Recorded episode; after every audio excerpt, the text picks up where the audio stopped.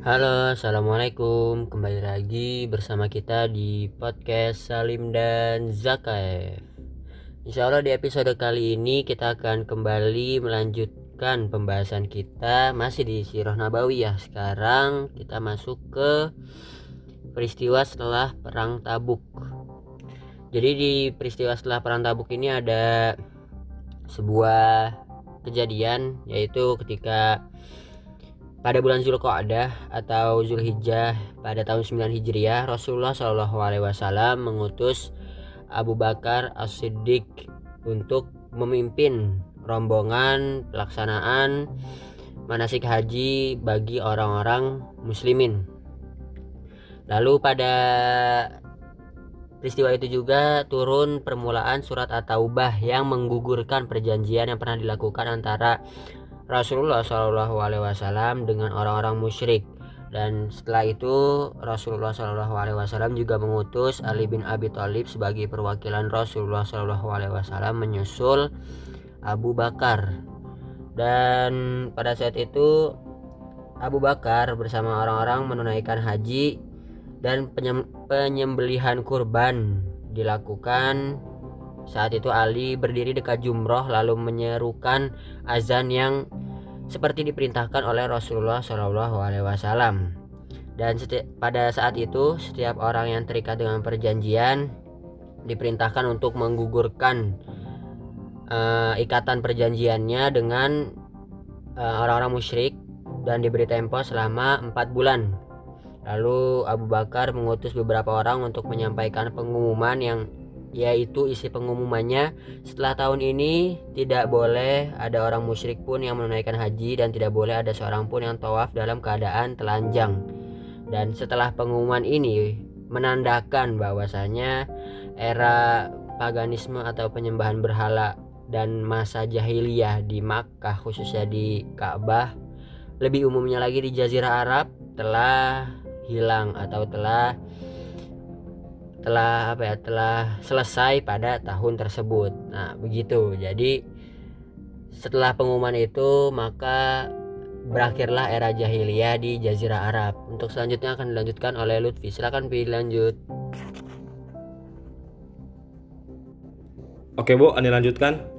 Jadi setelah seluruh rangkaian kisah peperangan yang telah dilewati dan dilakukan oleh Rasulullah Wasallam dan para sahabatnya, kita sampai di kesimpulan apabila nih kita perhatikan peperangan-peperangan Nabi Shallallahu Alaihi Wasallam dan segala macam ekspedisi-ekspedisinya yang dilakukan oleh para sahabatnya, maka sudah sangat jelas gitu bagi kita dan bagi siapa pun yang melakukan pengamatan terhadap kondisi, pengaruh dan latar belakang peperangan-peperangan tersebut dan juga kondisi geososial dalam jazirah Arab gitu mereka pasti akan mengatakan bahwa Nabi Shallallahu Alaihi Wasallam adalah komandan militer terbaik pada saat itu dan paling tajam firasatnya. Beliau memiliki kepiawan tersendiri dalam masalah ini. Di samping sebagai pemimpin para rasul dan memiliki martabat tertinggi dalam hal nubuah dan risalah, kalau dalam kan kalau dalam jajaran Nabi dan Rasul beliau sebagai pemimpinnya gitu. Setiap kali terjun dalam kancah peperangan, beliau selalu dalam kondisi prima penuh tekad, keberanian dan kejelian. Oleh karena itu, beliau belum pernah mengalami kegagalan karena salah dalam mengambil suatu kebijakan, mengatur pasukan, memilih markas, dan menyusun strategi peperangan. Bahkan dalam hal tersebut bisa dikatakan bahwa beliau memiliki pola kepemimpinan tersendiri yang belum pernah dikenal di dunia sebelumnya. Peristiwa yang terjadi pada perang Uhud dan perang Hunain yang merupakan kekalahan hanyalah karena kelemahan anggota pasukan atau mereka melanggar perintah beliau serta menyalahi kebijakan dan strategi tempur yang telah ditetapkan sebelumnya. Ketika kaum muslimin mengalami kekalahan dalam dua peperangan ini yaitu Uhud dan Hunain, tampaklah kepiawan beliau dalam menghadapi musuh.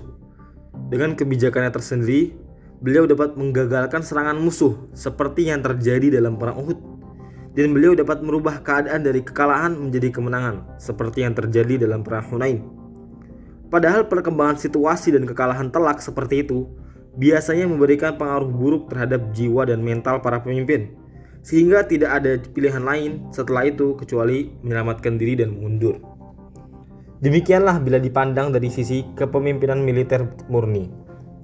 Sedangkan dari sisi lain, dengan berbagai peperangan tersebut, beliau dapat mewujudkan keamanan dan kedamaian, memadamkan api fitnah, mematahkan kekuatan musuh dalam pertarungan antara Islam dan paganisme, memaksa mereka kepada suatu perdamaian, memberikan jalan bagi penyebaran dakwah Islam, dapat mengenali orang-orang ikhlas di antara para sahabatnya, serta orang-orang yang menyimpan kemunafikan dan pengkhianatan. Beliau telah berhasil mencetak kader-kader pemimpin yang telah berhadapan dengan Romawi dan Persia di medan-medan pertempuran Irak dan Syam sepeninggal beliau. Mereka dapat mengungguli musuh dalam hal strategi peperangan, sehingga mereka dapat menguasai wilayah musuh, harta benda, kebun-kebun, tempat tinggal dan kekayaan mereka yang melimpah. Dengan peperangan ini pula, Rasulullah Shallallahu Alaihi Wasallam dapat memenuhi kebutuhan tempat tinggal dan menciptakan lapangan pekerjaan bagi kaum muslimin di Jazirah Arab. Sehingga berbagai problem orang-orang yang datang ke Madinah tanpa membawa harta kekayaan dan tidak memiliki tempat tinggal dapat terpecahkan. Beliau dapat menyediakan senjata, baju besi, dan anggaran belanja yang semuanya didapatkan tanpa adanya kezaliman dan kesewenang-wenangan sedikit pun terhadap hamba-hamba Allah yang lain, terhadap manusia yang lain. Beliau telah mengubah tujuan peperangan yang biasa terjadi di masa jahiliyah di Jazirah Arab. Kalau pada masa jahiliyah sebelum Islam, peperangan merupakan identik terhadap suatu gambaran terhadap penjarahan, perampasan, pembunuhan, kezoliman, kesewenang-wenangan, permusuhan, tindakan pembalasan, membinasakan pihak yang lemah, menghancurkan bangunan, memperkosa kehormatan wanita, berlaku kasar terhadap orang-orang lemah dan anak-anak, merusak tanam-tanaman dan keturunan, dan berbuat kerusakan di muka bumi. Maka dalam Islam peperangan merupakan jihad untuk mewujudkan tujuan yang mulia dan terpuji serta mengangkat kedudukan masyarakat manusia di segala waktu dan tempat. Peperangan dalam Islam adalah jihad untuk membebaskan manusia dari suatu sistem kediktatoran menuju sistem keadilan. Dari sistem yang di dalamnya pihak yang kuat memangsa yang lemah menjadi sistem yang di dalamnya orang yang kuat tidak berbuat sewenang-wenang. Peperangan dalam Islam adalah jihad untuk membela orang-orang yang lemah, baik kaum lelaki, wanita, dan anak-anak, yang selalu memohon, Wahai Rob kami, keluarkanlah kami dari negeri ini, dan seterusnya.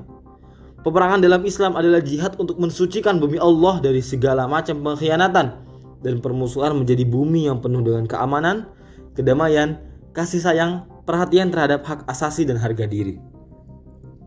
Beliau juga menetapkan kaidah-kaidah peperangan yang harus diperhatikan oleh setiap prajurit dan komandan Islam. Dan tidak memperkenankan mereka keluar dari kaidah-kaidah tersebut.